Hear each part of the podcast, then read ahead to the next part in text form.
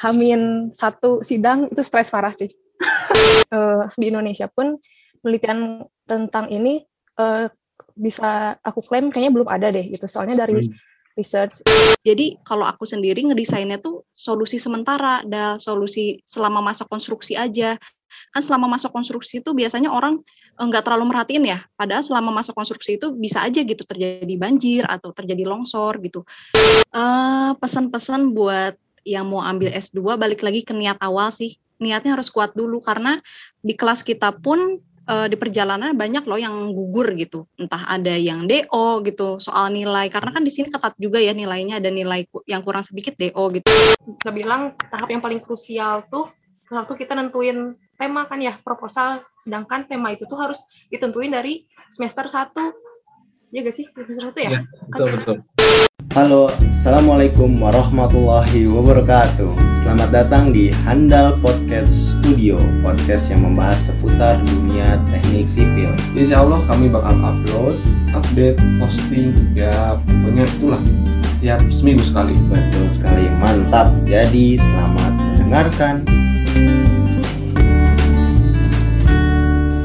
Gimana kabarnya Sobat Handal semua? Alhamdulillah kembali lagi di episode ke saya lupa episode keberapa tapi yang ini ini merupakan episode kedua dari Handal Studio Reborn We Are Back karena uh, episode pertama itu udah yang lalu minggu lalu sama Bahana Zaki juga Ardian bahas tentang beam engineer. Nah, uh, pembahasan sekarang nih kita pengen ngobrol nih kebetulan aku sama Bahana dulu uh, di lingkup pejabat 2015 ada dua orang teman kita yang alhamdulillah diberikan kesempatan buat langsung lanjut studi S2 di Polban. Dan alhamdulillahnya setelah dua tahun mereka menempuh pendidikan di sana, ya alhamdulillah tepat kemarin banget eh, mereka eh, alhamdulillah sudah bisa menunaikan sidang akhir tesisnya. Alhamdulillah nih, mungkin tanpa basa-basi ya. Tapi mungkin barangkali para pendengar, sobat handal semua, ada yang mungkin ada yang aneh. Biasanya yang ngebuka tuh bahana gitu ya. Mana? Tiba-tiba nggak ada gitu. Nah ini kebetulan bahana lagi ada ini dulu, ada telepon sama bapaknya gitu ya. Jadi ntar dia bakal menyusul di tengah-tengah perbincangan kita. Tapi nggak apa-apa, mudah-mudahan aku juga bisa asik bawain podcastnya mudah-mudahan oke tanpa berlama-lama kita uh, undang aja uh, dua sobat kita dua teman kita dulu di pejabat dan ini juga dua teman aku juga sih di uh, kelas menteri 2019 siapa lagi kalau bukan Syifa Alvina dan Nadifa Gina Savana. Yeay. Assalamualaikum Syifa sama Nadifa. Waalaikumsalam. Waalaikumsalam. Gimana kabar-kabarnya? Baik Sehat? sih kalau alhamdulillah di masa pandemi ini masih diberikan kesehatan. Iya. Tentunya ini gimana nih? Kan pasti uh, kalau perasaan pasti senang sih. Cuman cuman kalau aku nanya gimana ya akhirnya perasaannya setelah uh, yang mungkin uh, berhari-hari berbulan-bulan begadang ngerjain tesis dan sebagainya ya alhamdulillah kemarin alhamdulillah bisa selesai gitu kan. Nah itu gimana tuh uh, perasaannya sekarang? Seneng lah gimana sih? Dari Nadifa dulu mangga langsung denger langsung gimana oh, gimana? ya sekilas aja. Mungkin dari perasaannya ya pasti yang tadi seneng. Uh. cuman ada juga sih kayak uh, ya kalau sekarang kan kalau pertanyaan sekarang cuman kalau nanya nih perasaan Hamin satu sidang itu stres parah sih bahkan sampai jam 12 aku gak tidur. Soalnya hmm. belum nyiapin sama sekali sebenarnya mah. Cuman ya hmm. mungkin penguji eh, pembimbing juga bisa ngelihat aku eh, mampu gitu ya sidang yeah. di hari ini. Ya akhirnya eh, bisa maju gitu. Hmm, kalau dari perasaan. Kalau itu udah berapa oh begadang tuh. Itu udah ber, udah begadang setelah berapa minggu. Mempersiapkan itu tuh? Uh, karena sebenarnya kalau diruntutin sih, uh, kalau dari kehektikan gitu ya, sebenarnya kan aku tuh sidang kemajuan mungkin uh, dua bulan. Dan Hmm. salahnya tuh emang aku tipenya malas-malasan gitu. Karena apa? Soalnya lihat Males-malesan aja maju gimana aku? Ingat iya iya, soalnya kan eh, ngerasa gitu ya emang salahnya sih ngerasa udah lebih satu step di depan yang lain kan karena yang lain ada juga yang belum Hmm. maju. Dan jadinya aku tuh leha-leha cuman situ sih. Makanya kayak ibaratnya saat jadi leha-lehanya tuh hampir sebulan gitu. Baru sebulan lagi aku buka si materi ya si draft itu. sebulan langsung beres langsung tidak Nah, jadi ibaratnya satu bulan itu harus aku bayar gitu dengan waktu dua minggu. Ya makanya eh, apa ya stres uring-uringan selama dua minggu itu tuh harus di sampai ya kan ya gitulah kurang lebih stresnya di dua minggu sebelum sidang Oke. Kalau Vina gimana nih Vin kemarin rasanya? Em, kalau aku sendiri ada, aku ini nggak tahu kenapa ya, nggak se-stres itu sih. Bukan ngerasa Hmm. udah merasa siap banget atau ngerasa udah eh, tuntas semua enggak, cuman aku lebih ke pasrah, lebih Hmm. ke maksudnya aku udah mel- melakukan yang terbaik gitu. Aku merasa aku udah better than D4 dulu deh. Gitu aku Ah. maksudnya se- sebelumnya udah ikut UPPM lah, maksudnya terus Hmm. aku hampir setiap hari bimbingan sama dosen. Alhamdulillah juga menurut aku ya eh, aku sama Nadifa ada di titik ini tuh dengan bantuan dosen juga, dosen yang selalu siap sedia kapan pun dan di mana pun bisa. eh, ap- kalau aku sendiri kan bilang ya ke dosen Pak, eh, mau gimana pun keadaannya, saya kartu mati, saya harus sidang tepat waktu. Aku bilang gitu ke Pak Bambang kalau waktu itu. Jadi Pak Bambang tuh bener-bener ngebantu aku buat ya gimana pun harus sidang tepat waktu gitu. Dan, dan alhamdulillah ya semuanya selesai gitu. Dan pas Hmm, kemarin Oke. Nah, sebelum sidang pun nggak nggak yang sampai begadang banget banget gitu Oke. enggak sih kayak malah sebelum sebelumnya karena aku lebih ke eh, kalau Nadifa kan mungkin karena kerja ya jarang jarang bimbingan atau gimana kok aku tuh hampir setiap hari gitu bimbingan jadi ya udahlah gitu oh iya ada perbedaan sudut pandang ya. di situ Eh, Halo, Dol. Assalamualaikum nih, maaf baru masuk nih, maaf banget. Ini udah? Dol? Waalaikumsalam. Sama aku tadi mana? meng-highlight ini, Bah.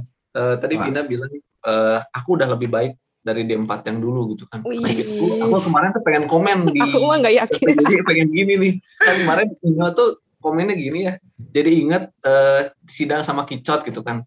Aku pengen tadi kemarin tuh pengen komen kayak gini. Tahu Vina bisa sendiri mah waktu itu pasti sendiri dah nggak akan sama kicot. Wih, ada. jahat enggak dong enggak. Eh, tapi pengen dulu dong eh, Vina sama Nadifa kan kalau misalkan eh, supaya jadi referensi buat pendengar kita juga. Nah, nah, kalau boleh tahu nih kalau Nadifa nih kan yang aku tahu eh, topiknya tentang geometrik jalan. Kalau misalkan eh, itunya mungkin lebih ke transportasi dan transportasi mungkin ya. iya kalau Transportasi Vina itu lebih ke arah eh, hidrologi mungkin ya atau ada campur tangan geotekniknya. Nah, mungkin boleh sedikit di highlight gitu eh, tesisnya Nadifa tuh tentang apa? Eh, terus jadi output akhirnya tuh berupa apa? Gitu juga Vina. Boleh dong di-share ke kita. Wih, sidang part 2 nih. Iya. Yes. Ya, sekilas aja kali ya. Oke. Jadi tesis aku tuh judulnya model korelasi. Oh, aku dulu ya. Iya.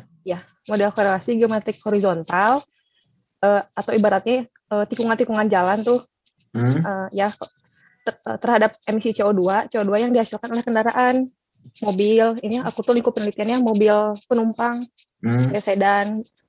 Nah, terus juga yang kedua itu kan pertama geometrik horizontal. Nah, yang kedua tuh korelasi gradien sebiringan jalan atau tanjakan terhadap eh, konsentrasi PM25 atau debu yang eh, eh, di bawah 2,5 mikron gitu. Dan itu tuh respirable. Jadi kalau ke kesehatan manusia itu eh, ada dampaknya banget gitu Hmm. terhadap PM25 ambien. Nah, kalau orang sih ngelihat eh, apa dari judulnya gitu ya, emang ada korelasinya tikungan terhadap emisi. Hmm. Kan dari situ emang eh, di Indonesia pun penelitian tentang ini eh, bisa aku klaim kayaknya belum ada deh gitu. Soalnya dari Hmm. research eh, eh, banyak research yang aku cari itu belum ada kalau tahun 2020. Nah, sedangkan di luar negeri itu udah lebih melek gitu. Si temuan ini tuh ternyata emang ada korelasinya eh, ketika kita kita em, desain jalan dengan si emisi yang dihasilkan oleh kendaraan. Hmm. Mm-mm. Itu mungkin terkait latar belakang dari penelitian aku gitu. outputnya berarti berupa model ya. Pers- eh, model itu berarti persamaan apa gimana sih? Ya, persamaan. Ketika Persamaan ya? ya ketika nilai eh, tikungan jalannya itu curam atau eh, dalam suatu ruas jalan itu tersusun dari banyak tikungan yang Hmm. curam kan eh, otomatis eh, berpengaruh ke eh, akselerasi kendaraannya, Ya, kecepatan kendaraannya. Nah, di situ makanya bisa berpengaruh ke emisi CO2 yang dihasilkan kendaraan itu. oke. Jadi emang model sih Berarti yang aku ini. dengan adanya apa ya tesisnya pembahasan tesisnya Nadifa itu kan eh, manfaat buat pembaca atau ya mungkin pengguna atau pembuat kebijakan dalam merencanakan jalan itu berarti adanya rekomendasi model seharusnya untuk alinyemen vertikal horizontal itu seperti apa gitu ya supaya Iya. meminimalisir buat eh, CO2 PM 2,5 yang gitu-gitu tadi ya gitu Iya, ya benar. Del, del, del. Div, persamaan tuh berarti rumus maksudnya. Iya, benar rumus. Nanti baru yang- pengen lihat dong kayak apa tesisnya penasaran. Boleh misalnya di situ tuh sebenarnya variabelnya selain geometrik ada kecepatan kendaraan dan eh, kemarin tuh temuan nih biar keren bisa eh, bahasanya temuan. Nah temuan yang kemarin aku dapat tuh ternyata semakin cepat kendaraan eh, emisi CO2 juga semakin meningkat gitu. Tapi ketika kendaraan itu cenderung stabil, bi- hasilnya bisa lebih rendah ternyata. Jadi ada juga faktor pembatasan kecepatan terhadap si emisi CO2 gitu. Ada faktor eh, atau ada titik optimumnya gitu. Hmm. Dari situ tuh emang apa ya tes itu eh, banyak sih yang eh, kita nggak tahu jadi nggak tahu gitu.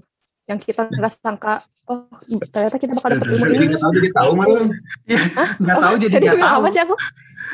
Kebalik tadi. tahu. Yang tahu jadi nggak, eh yang nggak tahu jadi tahu, iya Nah, ya. itu. Nah, itu kecepatan atau putaran mesin, Nat? RPM? itu aku variabelnya kecepatan, soalnya Oh, lebih kecepatan. relevan ke arah kecepatan. Hmm. Mm. Jadi walaupun kecepatannya tinggi 100 tapi RPM-nya rendah itu emisinya relatif rendah gitu ya. Mungkin. Emisinya gimana tadi? Sorry. Kalau misalkan kecepatannya tinggi, stabil, eh, tapi RPM-nya rendah, RPM rendah itu berarti kan gigi 4 tuh misalkan ya. Oh ya, Nah, Itu- itu berarti relatif Hmm. baik lebih bagus dibandingkan yang eh, tinggi tapi nggak gerung gitu mobilnya teh. Iya lah, Eh, nggak sih? lebih ke variabel ini sih kecepatannya yang semakin tinggi. Eh, kalau RPM-nya nggak dihubungkan dengan itu sih kemarin. Oke. Mantap. Nah, sekarang Vina. Vina gimana, Vin? Oke, kalau dari aku sebutin judulnya dulu aja ya. Kan judul dari Boleh. aku tuh kajian sumur pengendali untuk meminimalkan resiko longsor pada konstruksi proyek jalan tol Cisumdawu fase 3 STA 975. Nah, kalau dari teman-teman sendiri pasti ngedenger apa sih ya maksudnya sumur pengendali kayak nggak keren gitu namanya ya nggak sih? Kayak Eh, aduh nggak ngerti sih. Iya kan? apa ya? Hmm, jadi sebenarnya sih sumur pengendali ini tuh kalau kalian pernah dengar ada namanya deep well ya sumur dalam. Jadi itu Hmm. tuh kalau sumur pengendali di penelitian aku ini tuh kayak sumur dalam tapi dibuat lebih sederhana gitu. Dan Hmm. sebenarnya kan kalau dari penelitian aku sendiri ini eh, gabungan dua bidang ya ada hidro ada geotek jadi hidrogeotek gitu. Jadi si sumur pengendali ini tuh jadi kayak eh, merupakan ini loh apa namanya solusi eh, untuk pengamanan lereng.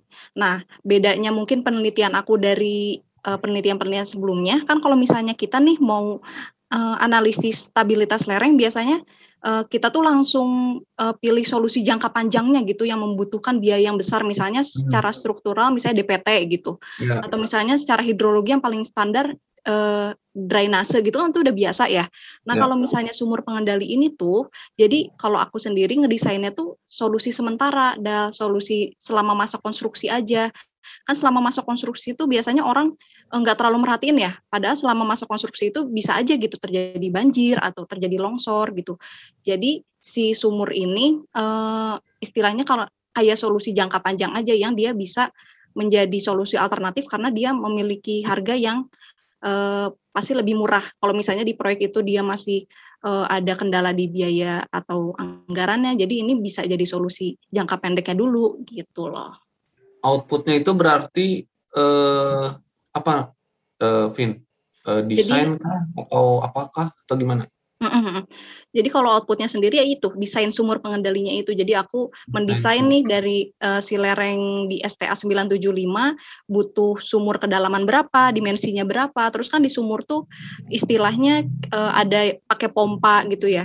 Hmm. Jadi untuk me, apa namanya me, nyerap air kelebihan air di sumur keluar ya biar tidak terjadi banjir dan longsor. Jadi kita juga kayak ngedesain oh ini harus pakai pompa kecepatan berapa, daya listrik berapa gitu. Jadi belajar juga sih kemarin. Jadi memang luas nggak kalau misalnya aku di D4 dulu itu full hidrologi ini tuh benar-benar ada hidrologinya, ada geoteknya, terus ada uh, ngitung rencana anggaran biayanya juga gitu berapa selama masa konstruksi ini gitu. Oke, lengkap ya. iya, ada. Tadi juga berarti belajar kayak listrik permesinan gitu juga ya? Uh, sedikit sih tentang pompanya aja. Oh, pompanya aja. Oke. Okay. Oke. Okay. uh, kalau ini Pin, itu berarti proyeknya masih ongoing ya yang Kisumdawu itu yang fase STA sekian tadi yang Pin sebutin. Ah, iya iya betul. Masih ya, jalan betul. berarti ya. Masih jalan, masih jalan betul. Berarti nanti ini ya apa dikasihin desainnya ke sana. Nih hasil penelitian gue gitu. Nih coba terapin bisa nggak gitu? Nah, kalau misalnya di uh, Cisumdawu sendiri, kalau aku lihat kan mereka udah bikin desain sendiri ya untuk solusi uh, pengamanan lerengnya tuh. Kalau mereka tuh mendesainnya solid sodding. Kalian pernah dengar gak sih solid sodding? Hmm. Kayak nah, namanya tuh kalau bilang kalau bilang enggak, aduh malu para pendengar masih Pokoknya kayak itu tuh kayak pengam apa sih disebutnya tuh gebalan rumput gitu. Nah kalau di oh. mm, kalau di kalian tahu nggak sih perkuatan di tebing tuh kalau misalnya di toto di tebingnya ada rumput-rumput-rumput kayak gitu. kayak dibuat ya. ada paving blocknya gitu bukan sih Pin? Oh. Uh, Jadi sih. kuat sama akarnya ya? Di, di iya, iya, oh, iya. pernah pernah pernah itu pernah Jadi, diajarin dulu. Pernah pernah pernah masih ingat Bahana. Oh, oh, oh. Eh asli pernah di bioteknik. Kurang inget gambarnya. Bukan sih ya? apa siapa sih? Apa sih? Yang berundak-undak gitu solid sodding. Uh, uh, ya. Jadi ya, tahu, tahu, kalau aku tuh ya. ini tuh kayak solusi alternatif aja sih. Toh kan di Cisumdawu juga udah ada solusinya. Mereka menyarankannya si solid sodding itu. Aku mas uh, solusi alternatifnya aja gitu loh. Oh, padahal ini ya alternatif dia bener atau bisa jadi nanti malah dipakai. Tapi nggak bakal diserahin ke sana nggak ujungnya? Atau ada komitmen bakal diserahin ke sana nggak gitu pas lagi kan pasti minta-minta data tuh. Hmm, iya iya. Kalau hmm. dari data, untungnya sih kalau dari proyek Kisumda waktu aku ngajuin data tuh mereka nggak ada syarat kita ngasihin apa namanya laporan tugas akhirnya kecuali kalau kan minta data juga nih ke BMKG kalau mereka persyaratannya kita tugas akhir harus dikumpulin ke mereka setelah sidang. Nah, iya betul betul. Ya kayak teman kita dulu di, di kelas kelasnya dulu kan kayak gitu juga harus cerahin. Oke. Hmm, tadi berarti belum ngomong jauh kan ini bahannya telat gitu ya? Halo, belum, maaf ya. 18 Iya benar. Oh, iya. Nah, sih. coba itu deh. Kalau misalkan dari dua ini ya, eh, dari Nadifa sama Vina, eh, dari masing-masing topik kesulitannya topiknya Nadifa sama Vina tuh apa sih sebenarnya? Mungkin apakah pas surveinya, apakah pas analisisnya? Ini secara tidak langsung kayaknya Afdal curhat juga Ya, kita masih bahas teknis sebelum kita nanti bahas non teknis. Nah, bahas non teknis akan lebih besar, akan lebih oh, banyak dibandingkan yang teknis. Ini belum banyak kayak ini ya. Nanti curhatnya lebih banyak berarti ya. Oke, gimana Nadifa? Ya, Nadifa. Uh, berarti dari kesulitannya ya. Kendalanya, ha. Kendalanya ya, kan betul. aku tuh uh, temanya terkait geometrik dengan uh, lalu lintas juga. Hmm. Kalau misal uh, mungkin cerita dari skop penelitiannya, aku tuh jadi uh, neliti di 10 lokasi studi untuk yang uh, tinjauan geometrik horizontal dan 10 lokasi di yang uh, vertikal. Hmm. Nah, yang di vertikal itu ada uh, pengujian uh, survei lalu lintas selama kurang lebih uh, dua minggu gitu, dua minggu tapi uh, dibagi uh, selama dua hari. Jadi dalam dua minggu itu skopnya uh, Sabtu minggu pertama sama Sabtu minggu kedua. Hmm. Kalau di penelitian biar kita dapat data uh, time series. Nah, uh, lumayan sih itu tuh apa? Uh, but kan kalau transport tuh bahannya juga mungkin dulu pengalaman banget ya. Butuh tenaga banyak dan sedangkan yeah, yeah, kan dulu mungkin uh, apa? banyak squadnya juga gitu. Dan aku tuh pas pertama ya bingung gitu. Kan ini uh, S2 terus uh, dengan kesibukannya masing-masing dengan skop penelitian yang uh, gede-gede juga gitu ya bingung juga yeah. nih dapat tenaga dari mana cuman untungnya yeah.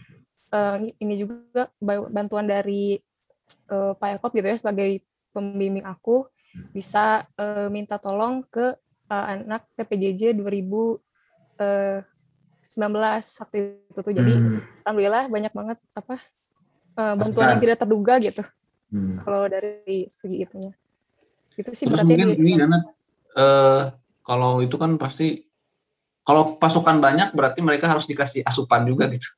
Nah, oh iya. Kasih jajan berarti ya. Nah, beda dengan yang D4 nih, kalau S2 kan ada apa? Dari negara ada bantuan tersendiri ya. Hmm. Kemarin juga aku sempat ngajuin. Jadi mungkin lebih kebantu di sana. Masih. Oh, iya. Itu iya. maksudnya dananya per orang dapat. Kenapa?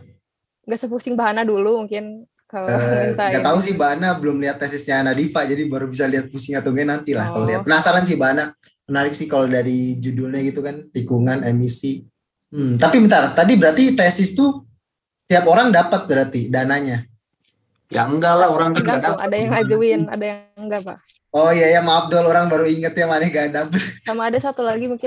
oh itu iya benar. Tinjauan yang eh tinjauan yang tanjakan nih Nah, satu yeah. lagi yang 10 lokasi lagi ada tinjauan uh, uh, geometrik horizontal di mana aku hmm. tuh surveinya jadi mobil uh, di berkendara dari titik awal misalnya sepanjang jalan uh, apa ya dari tahu jalan Tubagus Ismail yeah.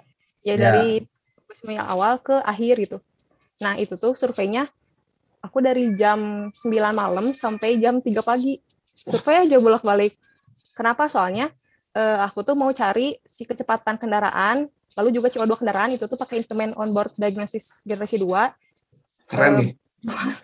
Buat tahu uh, buat tahu si efek geometrik itu terhadap uh, laju kendaraan. Jadi aku tuh ibaratnya gimana sih cara eliminasi dari faktor lalu lintas, hambatan orang-orang kan nggak mau tuh aku dapat data dari itu. Jadi ya si pengoperasian kendaraan itu ya berasal dari uh, kondisi geometrik jalannya. Jadi jalannya harus lowong gitu. Makanya surveinya malam tengah malam. Hmm, yang nah, berarti bolak-balik aja gitu misalnya dari tuh bagus Ismail tuh yang dago kan yang apa sih ada ya, ada dago. tempat makan Cirebon tuh yang seafood Wih, gitu kan. Ya. Iya tahu itu. Terus sampai sampai rumah sampai rumah Fakih kan di daerah situ kan. Ya benar-benar. Ya, Panjang jalan itu. Oh. Okay. aja dulu ya kendalanya gitu sih baru gitu berarti kan. emang ini waktu uh, selain yang tadi disebutin sama Nadifa ada selain dari pasukan squad terus dari waktu buat survei ambil data pun itu makan waktu banyak banget ya Ya, nah, kalau itu semester berapa berarti? Itu berarti waktu pas ngejar UPPM ya, semester ya, 2? Semester 2 ya, sebelum oh. uh, Oktober Oktober 2020. Masa berdarah-darah. ah nggak jadilah nggak jadi. Ya Allah jangan ledek Afdal dulu ya Allah sabar. Di luar ini dong di luar. Tapi ini loh bang menurut aku ya tesisnya Nadifa emang tadi selain eh, tadi kan Nadifa klaim memang eh, di Indonesia kan memang pembahasan tentang ini jarang dibahas gitu kan mungkin atau mungkin pertama. Dan emang di M3 pun menurut aku ini uh, tesis juga ya, transportasi ya. tentang transportasi pertama kalau menurut aku sih dia mantap. Hah? Iya nggak? Iya ya. nggak sih Nat? Iya. Nah, ya, suaranya ya, suaranya nggak ada. Oh, nggak ada. Nah, ada, ada, ada. Udah ada. Perasaan ya. ada sih Dal yang ambil transport di uh, Sumedang, tapi bukan terkait geometri jalan. Jadi. Tapi tentang perkerasan ya? Perasaan terkait rekayasa transport gitu ya? Aku gak, kalau nggak salah. Oh. Iya sih, cuman aku ya aku ininya karena sering karena beberapa nih uh, kayaknya emang pembahasan ya. tentang geometrik itu kan orang lihatnya orang-orang tuh melihatnya M3 itu uh, kental sama struktur. ya struktur gitu kan pengujian beton terus yeah. tanah campur-campur tanah perkerasan kayak gitulah. Cuman ini bahasnya tentang uh, geometrik. Jadi ya setidaknya bisa mematahkan bahwa di M3 pun bisa gitu kan. Asalkan memang ada hubungannya sama jalan dan jembatan gitu kan. Kalau Vina gimana Vin? Apa sih tadi itu pertanyaannya kesulitannya Kesulitan, kendala, ya? Kendala. Oke. Susahnya apakah susahnya. jadinya sering main air gitu, masuk angin, kan main air, hujan-hujanan ya, gitu. Jadi apa ya orang awam kan mikirnya tanah. Iya. Atau bener begitu. Uh, jadi kalau aku sendiri sih kan kalau bidang yang diminati ya dari D4 tuh aku tuh memang suka banget gitu si hidrologi ini tuh. Makanya dulu ngambil uh, apa namanya tugas akhirnya hidro. Nah, waktu uh, tesis pun niat awalnya tuh full hidro gitu. Nggak mau ada sangkut pautnya sama tanah karena emang nggak minat gitu loh.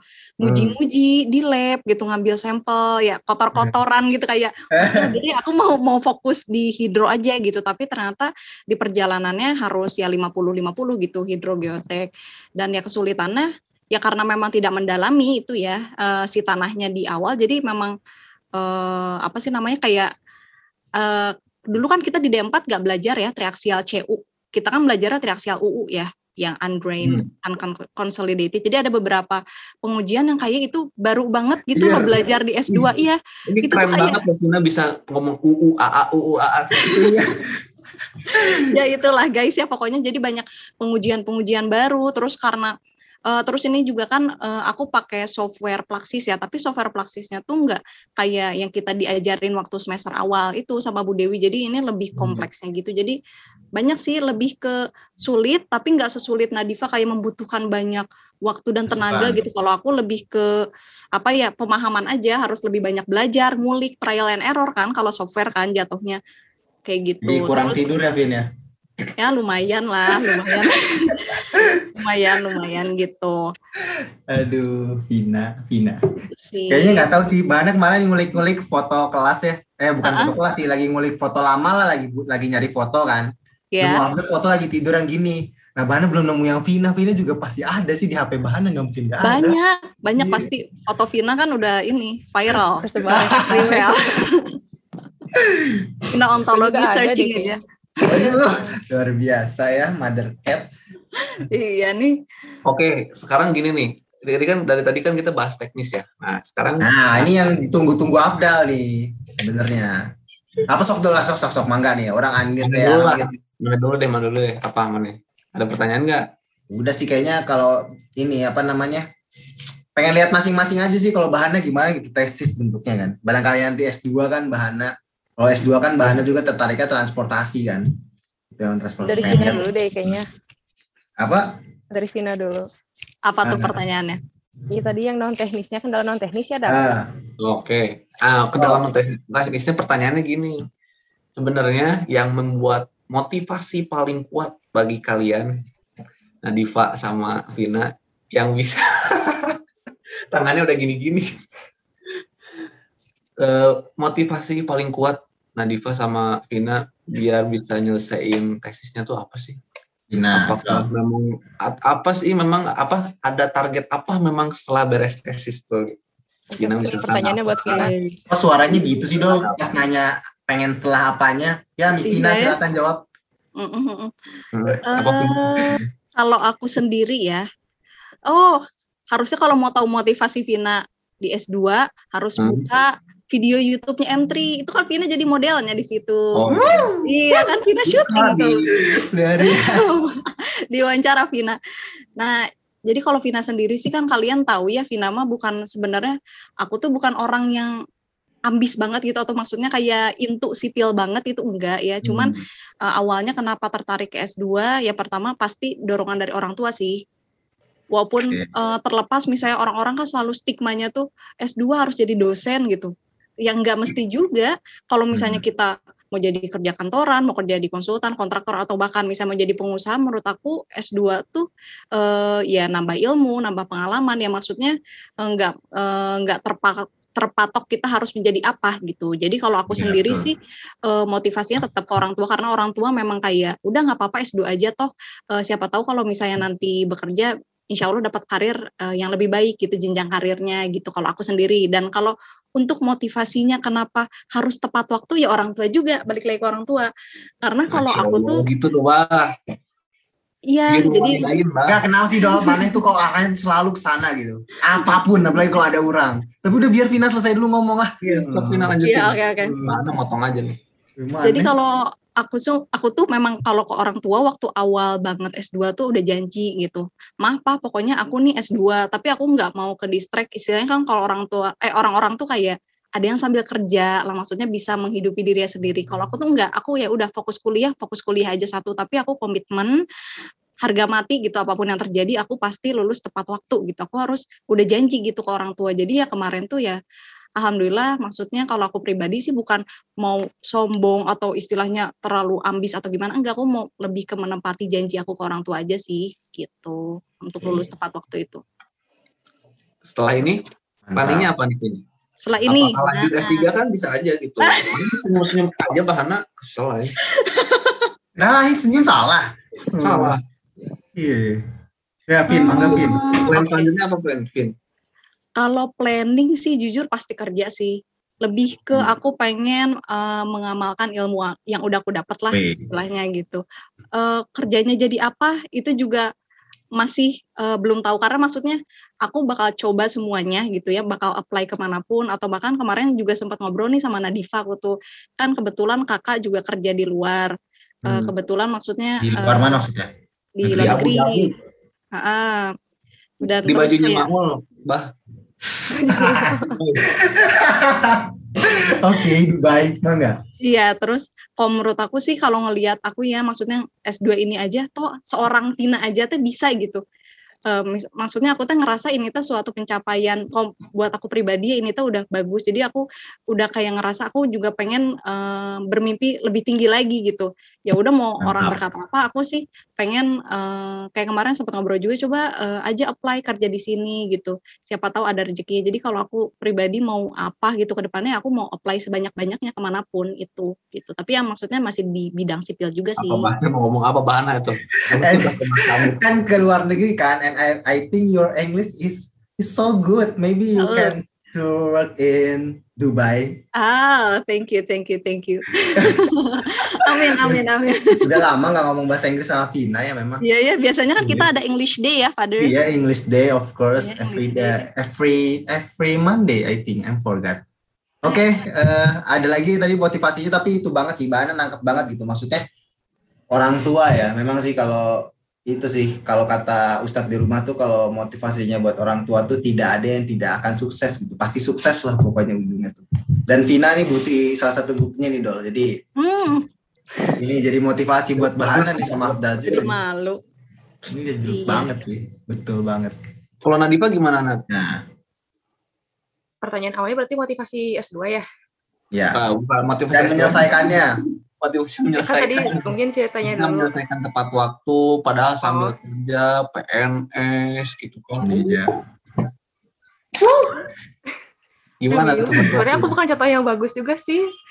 Jadi aku bingung kan orang lihatnya contohnya bagus gitu kan gimana tuh? Ya iya sebenarnya uh, mungkin aku cerita yang dari itu sih motivasi awalnya dulu mungkin. Okay. biar tahu kan latar belakangnya kenapa aku S2 dan kenapa ya uh, yeah. awalnya aku masuk S2 tuh malah uh, ya balik lagi sama kayak Vina dari orang tua bahkan aku hmm. uh, kalau aja hamin satu penutupan S2 aku nggak ngabarin ayah aku ya aku nggak bakal daftar S2 gitu hamin hmm. satu uh, penutupan gelombang kedua dan tiba-tiba aku tuh disuruh daftar langsung dikasih biaya gitu ya ini udah bayar daftaran dan uh, sebenarnya dulu tuh oh ya ogah-ogahan kan cuman uh, aku juga ya mikir lagi uh, karena sebenarnya awal niat tuh ingin lulus langsung cari Atau kerja. bukan itu Nat, Nat sorry, hmm? bukan biar bisa dibolehin naik gunung ya? iya, ada alasan itu juga ya. naik gunung ke Semeru itu kan? Oh, iya, iya benar-benar benar. Iya, goal awal tuh lulus, nyari kerja, eh, belajar pengalaman teknis tentang sipil ya cuman uh, ya mungkin di masa-masa itu aku juga merenung mungkin uh, bisa juga sambil S2 uh, kan nggak cari kerja juga mungkin sesuai itu gitu ya. Nah yeah. jadi ya masalahnya lah coba dulu daftar S2 dan uh, seiringnya berjalan sampai uh, motiv sampai bisa lulus gitu ya. Kalau dari uh, apa, dari perjalanan menempuh tesis juga alasannya itu dari yang pertama orang tua dan yang kedua mungkin dari pembimbing sih hmm. pembimbing yang udah kayak uh, yakin terus percaya banget gitu bahwa aku tuh bisa maju dan lulus tepat waktu. Soalnya kalau dari ya Abdul juga tahu sendirilah karakter aku kayak gimana gitu ya. Mungkin kalau orangnya tuh bukan Bapak Dr. Eko Astor gitu ya, aku nggak bakal deh kayaknya lulus uh, hari kemarin. Eh enggak, ya lulus hari kemarin. Itu nah, sih itu faktor. Nah, coba sambil dibahas tentang sambil kerjanya Natuna. Kan gimana ya? Uh, kan sambil kerja juga tuh. Nah itu gimana tuh bagi waktunya gitu kan? Apakah gimana gitu kan? Karena iya sih kan kalau S2 tuh lebih ke ini pribadi ya. Hmm. uh, apa? Uh, target pribadi. Kalau sedangkan kerja tuh apalagi kalau jadi uh, gimana? Ya cuman jujur kalau dari hati kecil gitu ya.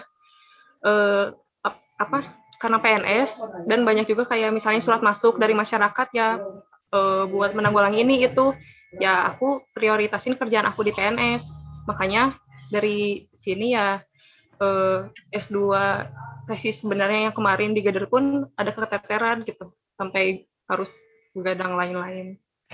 Tapi Nat itu uh, apa istilahnya kalau PNS sering lembur gak sih? Hmm, Enggak ya? Enggak, enggak juga. Lemburnya paling bisa dibawa ke rumah sih, cuman kadang diminta buat beres hari itu gitu. Jadi uh, jam 8 dikirim hmm. suratnya gitu kan. Surat itu ada berproses si ini ya. PNS. Ya, ini Nat. Uh, kalau boleh tahu kan mungkin uh, kita belum pernah bahas ya, Pak ya, kalau Nadifa di PMS-nya tuh job desk-nya apa gitu boleh share sedikit Nat? Di kan sekarang Nadifa dirinya ditempatinnya di Pemprov Jabar ya? Eh ya. apa sih sebutannya?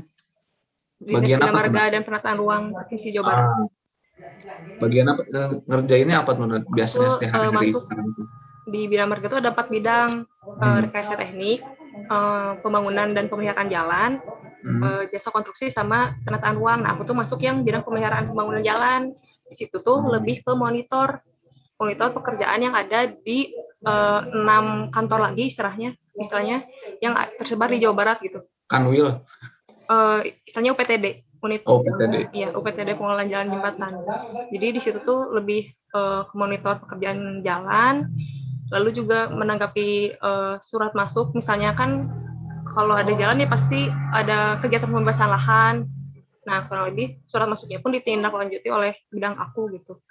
Hmm. Terkait itu berarti sedikit banyak ada hubungan nggak sih antara tesis sama yang Nadifa kerjain di kalau misalnya sekarang aku di bidang pemeliharaan pembangunan sih kayaknya belum terlalu relate ya.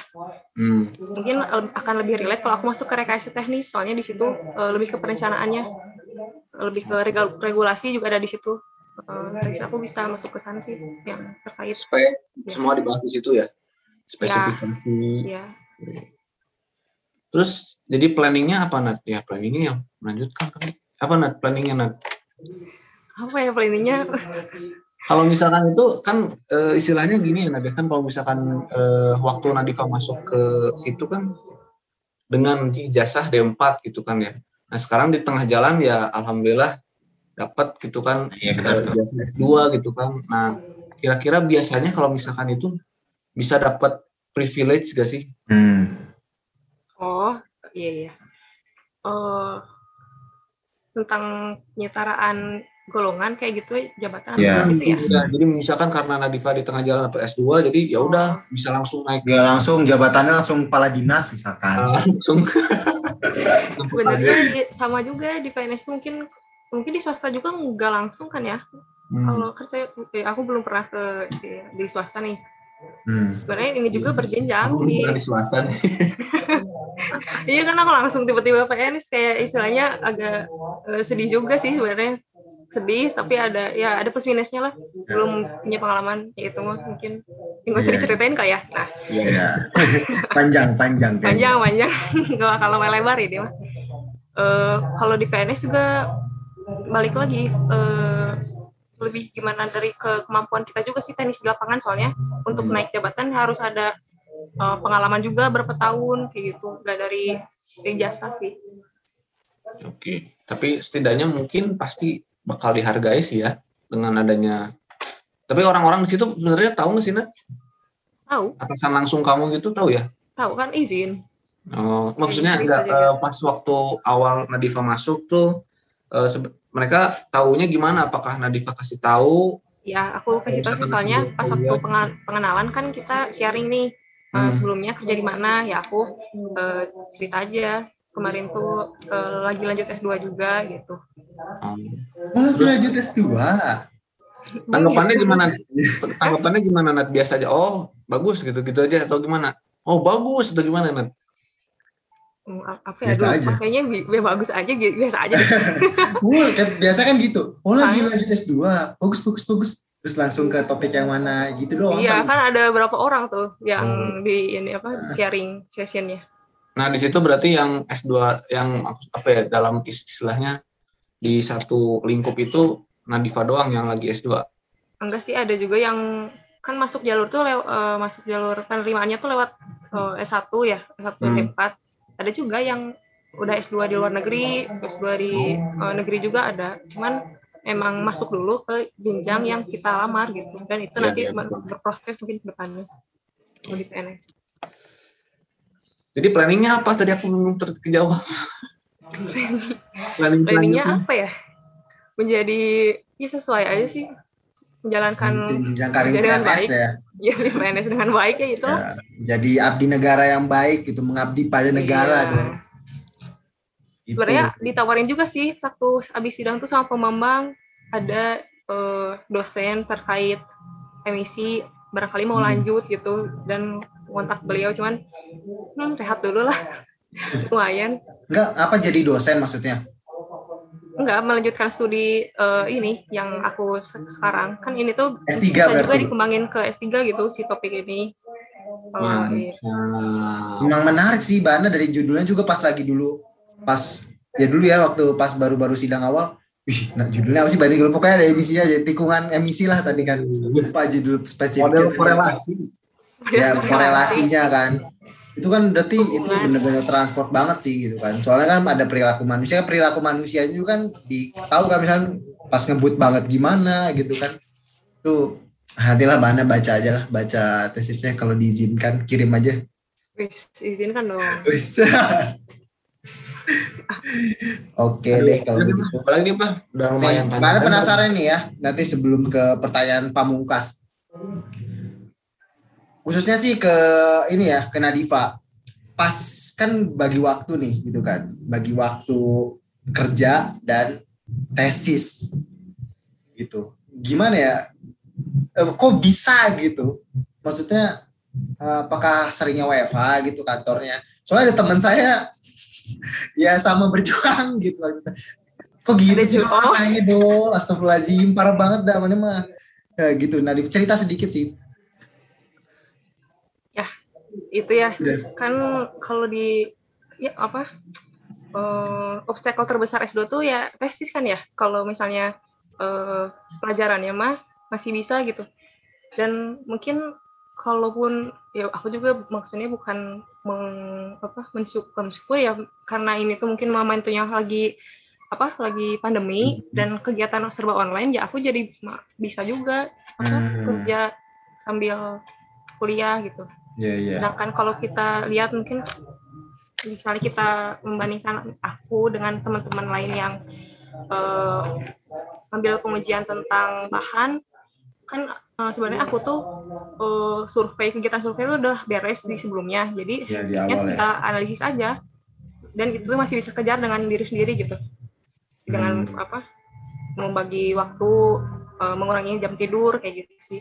Dan aku tuh ya salut juga ke teman-teman yang ngambil bahan gitu. Kan apa ya sulit gitu buat uh, minta izin terkait penggunaan lab. Kan kendala terbesarnya di situ gitu. Kalau misalnya lab jalan uh, sebenarnya semuanya sangat memungkinkan buat uh, sidang uh, yudisium satu ini. Nah paling itu sih uh, apa metode atau tipsnya dari uh, sebenarnya nggak bisa disamaratakan kan ya? Yeah. mungkin Afdal yeah. juga uh, dari analisnya lebih edan kalau aku ya gitu lah. Orang tuh penasaran dong, biar orang tuh nanti kalau ngasih advice mana tuh tahu gitu. Uh, ngambil data dulu dari Nadifa, oh, Nadifa begini gitu kan. Gimana sih biar kalau mana curhat tuh enak gitu orang jawabnya. Iya tuh Vina nah, gitu kan. Kalau mau ngobrolin ngobrolin Afdal nih. Iya. Pokoknya tuh gimana itu di belakang aja nih. Iya, udah itu nantilah di belakang. Ya, nanti aja. nah, ada komentar udah, soalnya. iya, gimana gimana? Berapa, udah berapa menit ya? Udah mau sejam ya? Iya ini udah. 45 ya, udah menit, 15 menit lagi bah, biar ya. bisa dapat dua part. Dua part, dua part, udah lah, bentar lagi udah, biar satu part aja. dah uh, tadi apa namanya udah udah dengar masing-masing ya teman-teman pendengar ya jadi S2 terus lagi besar tesis gitu dan ini bisa jadi referensi lah buat teman-teman pendengar. Nah sekarang ada nggak pesan buat teman-teman yang mau lanjut S2 nih gitu mau lanjut S2 terus ya gimana nih pesan untuk mereka biar tidak salah ambil langkah lah atau sambil gini uh, eh, S2-nya mending sambil kerja atau fokus S2 gitu kan. Nah, itu juga bisa. kan punya pandangan masing-masing nah, gitu kan. Betul. Boleh nih mungkin nah, kita kan case-nya yang emang fokus ya kan. Bisa nih betul-betul. Silakan dari Vina lah. Uh, pesan-pesan buat yang mau ambil S2 balik lagi ke niat awal sih. Niatnya harus kuat dulu karena uh, gini ada uh, bah di kelas kita pun uh, di perjalanan banyak loh yang gugur gitu. Entah ada yang DO gitu soal nilai karena kan di sini ketat juga ya nilainya ada nilai yang kurang sedikit DO gitu atau mungkin uh, yang motivasinya kurang gitu ngerasa dia uh, tidak bisa mengikuti juga akhirnya keluar gitu. Kita hanya total udah empat atau lima orang ya yang ada, keluar ya. Ada ada yang DO baru tahu bahan baru dengar. Ya nggak sih yang waktu itu siapa ya yang nilainya kurang? Ya ada lah ya pokoknya. Ya, ada. ada. Tiga ah, orang ada. Itu ya kita. Mm -hmm, gitu. Tiga orang gugur tiga orang. Empat empat. Empat kan? Ya betul empat. Ya. jadi memang harus niat awalnya dulu nih yang kuat. Terus mau ngapain gitu di S2 ini? Bisa nggak komitmen sama uh, keputusan yang udah kita ambil gitu kalau Vina sendiri? Dan kalau misalnya uh, urusan sambil kerja atau enggak itu ya balik lagi ke masing-masing ya. Apakah orang itu bisa multitasking Eh, dan tadi kan kata Nadifa sebenarnya dengan kuliah online ini kan diuntungkan juga ya. Jadi bisa sambil kerja bisa sambil kuliah. Tapi ngelihat kondisinya kan mungkin tahun depan juga udah nggak online ya kuliah. Udah hmm. maksudnya kayaknya covidnya juga insya Allah akan membaik. Nah bisa nggak tuh bagi waktunya kalau kuliahnya offline kerjanya juga maksudnya harus kerja gitu ke kantor atau gimana gitu apa bisa bagi waktu gitu karena takutnya juga kalau misalnya di Polban sendiri ketat ya di via kemarin kan ada kejadian juga ya Nadifa ketika uh, kerja dan nggak bisa ikut satu mata kuliah ternyata dosennya ini ya Divya marah ya dan ngasih iya. nilai ya. gitu ya itu kan oh, ya. Uh, gitu. jadi sebut dong kepo. Dan lanjut lanjut. Ya gitu. Jadi kalau Vina sendiri komitmen ke orang tua pokoknya Vina nggak kerja tapi Vina bakal bener-bener gitu kuliahnya apa pun yang terjadi gitu. Fokus aja ke kuliah dengan uh, apa namanya lulus tepat waktu insya Allah. Gitu kalau Vina. Mantap. Nadifa ya motivasi buat teman-teman yang mau lanjut S2 ya. Mm. Uh, mungkin ini juga ada uh, sangkut pautnya nih sama Afdal karena aku melihat S2 tuh kalau dari segi pembelajarannya pembelajarannya kurang lebih sama ya sama S1 eh sama D4 gitu. Uh, apa ujian ikut tugas mau masuk kalau dari segi pembelajaran. Nah, kalau dari segi tesis nih aku uh, bisa bilang tahap yang paling krusial tuh waktu kita nentuin tema kan ya proposal sedangkan tema itu tuh harus ditentuin dari semester satu ya gak sih? Semester satu ya, ya betul kan betul. uh, kayak proposal jadi tiba-tiba baru masuk udah harus tentuin nih. Bahkan pas waktu wawancara S2 pun kita ditanya mau ngambil apa? gitu. Ke depannya untuk yang dia jadi hmm, gitu, ditanya. dan aku tuh lihat Afdal tuh salah satu orang yang berani gitu nunda si progres ini supaya dia dapet uh, ilmu atau yang ke depannya bakal dia gunakan uh, dengan apa dengan tingkat kebermanfaatan yang tinggi mungkin ya dan ya Abdul itu salah satu orang yang berani lah ngambil keputusan itu. Dan aku mah yang ikut dulu lah ikut ikut uh, bimbingan pembimbing kayak gitu.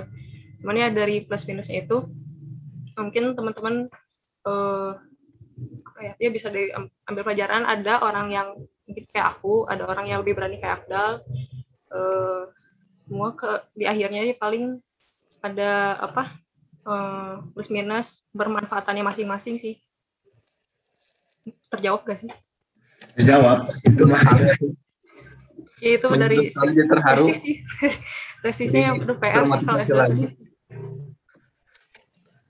Iya, semoga ini apa ya semangat lah Afdal. Vina kayaknya mau ngomong lagi deh.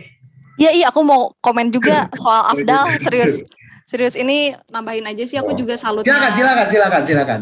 Salutnya Afdal tuh kan dia KM abadi ya guys ya.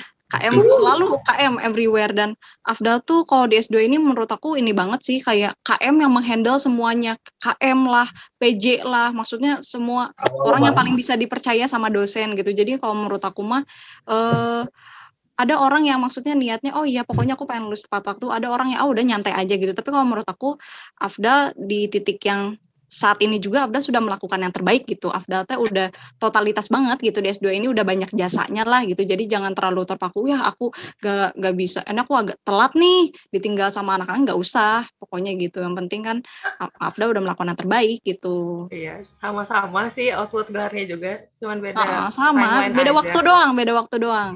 Semua ada waktunya dong. Duh, Semua jadi, ada. Jadi dia semangat. Enggak, enggak tadi kenapa kenapa orang ketawa pas Vina bilang uh, pokoknya sama dosen gitu. Jadi ingat mana waktu sama Pak salah satu dosen belum disuruh udah keluar terus bingung suruh pembimbing orang sekarang itu mah. Afdal tolong belum langsung pergi keluar. Afdal kenapa keluar? Terus bingung kenapa lagi? Itu gak akan bakal lupa sih baru itu calenya mana tapi ini sih bah jadi makasih banget uh, Nadifa sama Vina udah luangkan waktunya. Ya betul itu pasti uh, makasih banget. jadi dua dua pernyataan tadi uh, alhamdulillah. Langsung naik ya. Charles. jangan nangis dong jangan nangis. Masih aku lagi lah insya Allah. Soalnya jujuran kemarin nih pas kemarin dapat kabar dari Nadifa. Assalamualaikum dah. Lain dari ini nih. Langsung. Edan ke sidang. Aing raha progres. Langsung dari situ aku langsung cabut ke rumah eh, cabut dari rumah langsung jogging. Yang awalnya biasanya nggak pernah jogging tiba-tiba jogging. Iya. Zaman biar apa dah nggak tahu. Sebel aja. Jelas. Kira ente langsung membuka tesis gitu. Kayak Panji. Aku eh beneran ya. Waktu itu uh, hari Jumat itu aku udah niatin ah paginya aku tidur lebih awal supaya bisa lebih kerjain ini. Hmm, bangunnya telat sih memang. Jam 4 begitu sholat sholat subuh. Niat udah udah terbangkit gitu ya mau ngerjain udah buka midas segala rupa. Nah di WA gitu kan. What? Sidang tesis hari ini gitu kan. Langsung tutup laptop cabut. Mental break dance dah tapi nggak apa-apa. Gitu kan tapi di jalan sih emang aku jadi mikir oh ternyata gelar MTRT itu nyata bukan sesuatu hal yang halu dan hayalan. Ada yang sudah bisa merealisasikan. Dalam bahasa gitu jogging ngerjain tesis gak? Hah? Habis jogging ngerjain tesis gak? Kan kerja. Oh iya ya. Pulang kerja langsung. Oh, oke okay, oke. Okay. Alhamdulillah udah jogging ya Allah, bukan cuma pas memuncak. Sebulan sekali orang jogging. Udah, sudah sejam ya, betul. Siap. Terima kasih banyak ya Nadifa, Vina untuk sharing-sharingnya. Ini Sama, di gambaran juga nih buat teman-teman sobat handal dan ini kayaknya berapa orang nih berarti JJ dia udah masuk semua di podcast handal ya. dan pembimbingan Nadifa juga dosen pertama yang masuk ke podcast handal dan memang beliau luar biasa itu juga. Tadi kan udah apresiasi, banyak apresiasi lagi. Oke, itu aja Dol. Ada yang tambahin lagi Dol? Sebelum ditutup Dol. Tadi dibuka sama Maneh kan? Cukup ya oke okay. sama mana aja terima kasih buat teman-teman handal yang sudah mendengarkan podcast ini seperti biasa Nah, ini semoga bisa mengobati rindunya ya karena beberapa hari kemarin banyak yang nanya kapan podcastnya rilis walaupun cuma satu dua orang sih tapi yang apa itu itu menggugah juga sih ditanya kapan-kapan kan itu aja ya kalau misalkan ada saran-saran mau bahas apa silakan drop di DM Instagram atau di LinkedIn. Wassalamualaikum warahmatullahi wabarakatuh. Sampai jumpa. Foto dulu, foto dulu.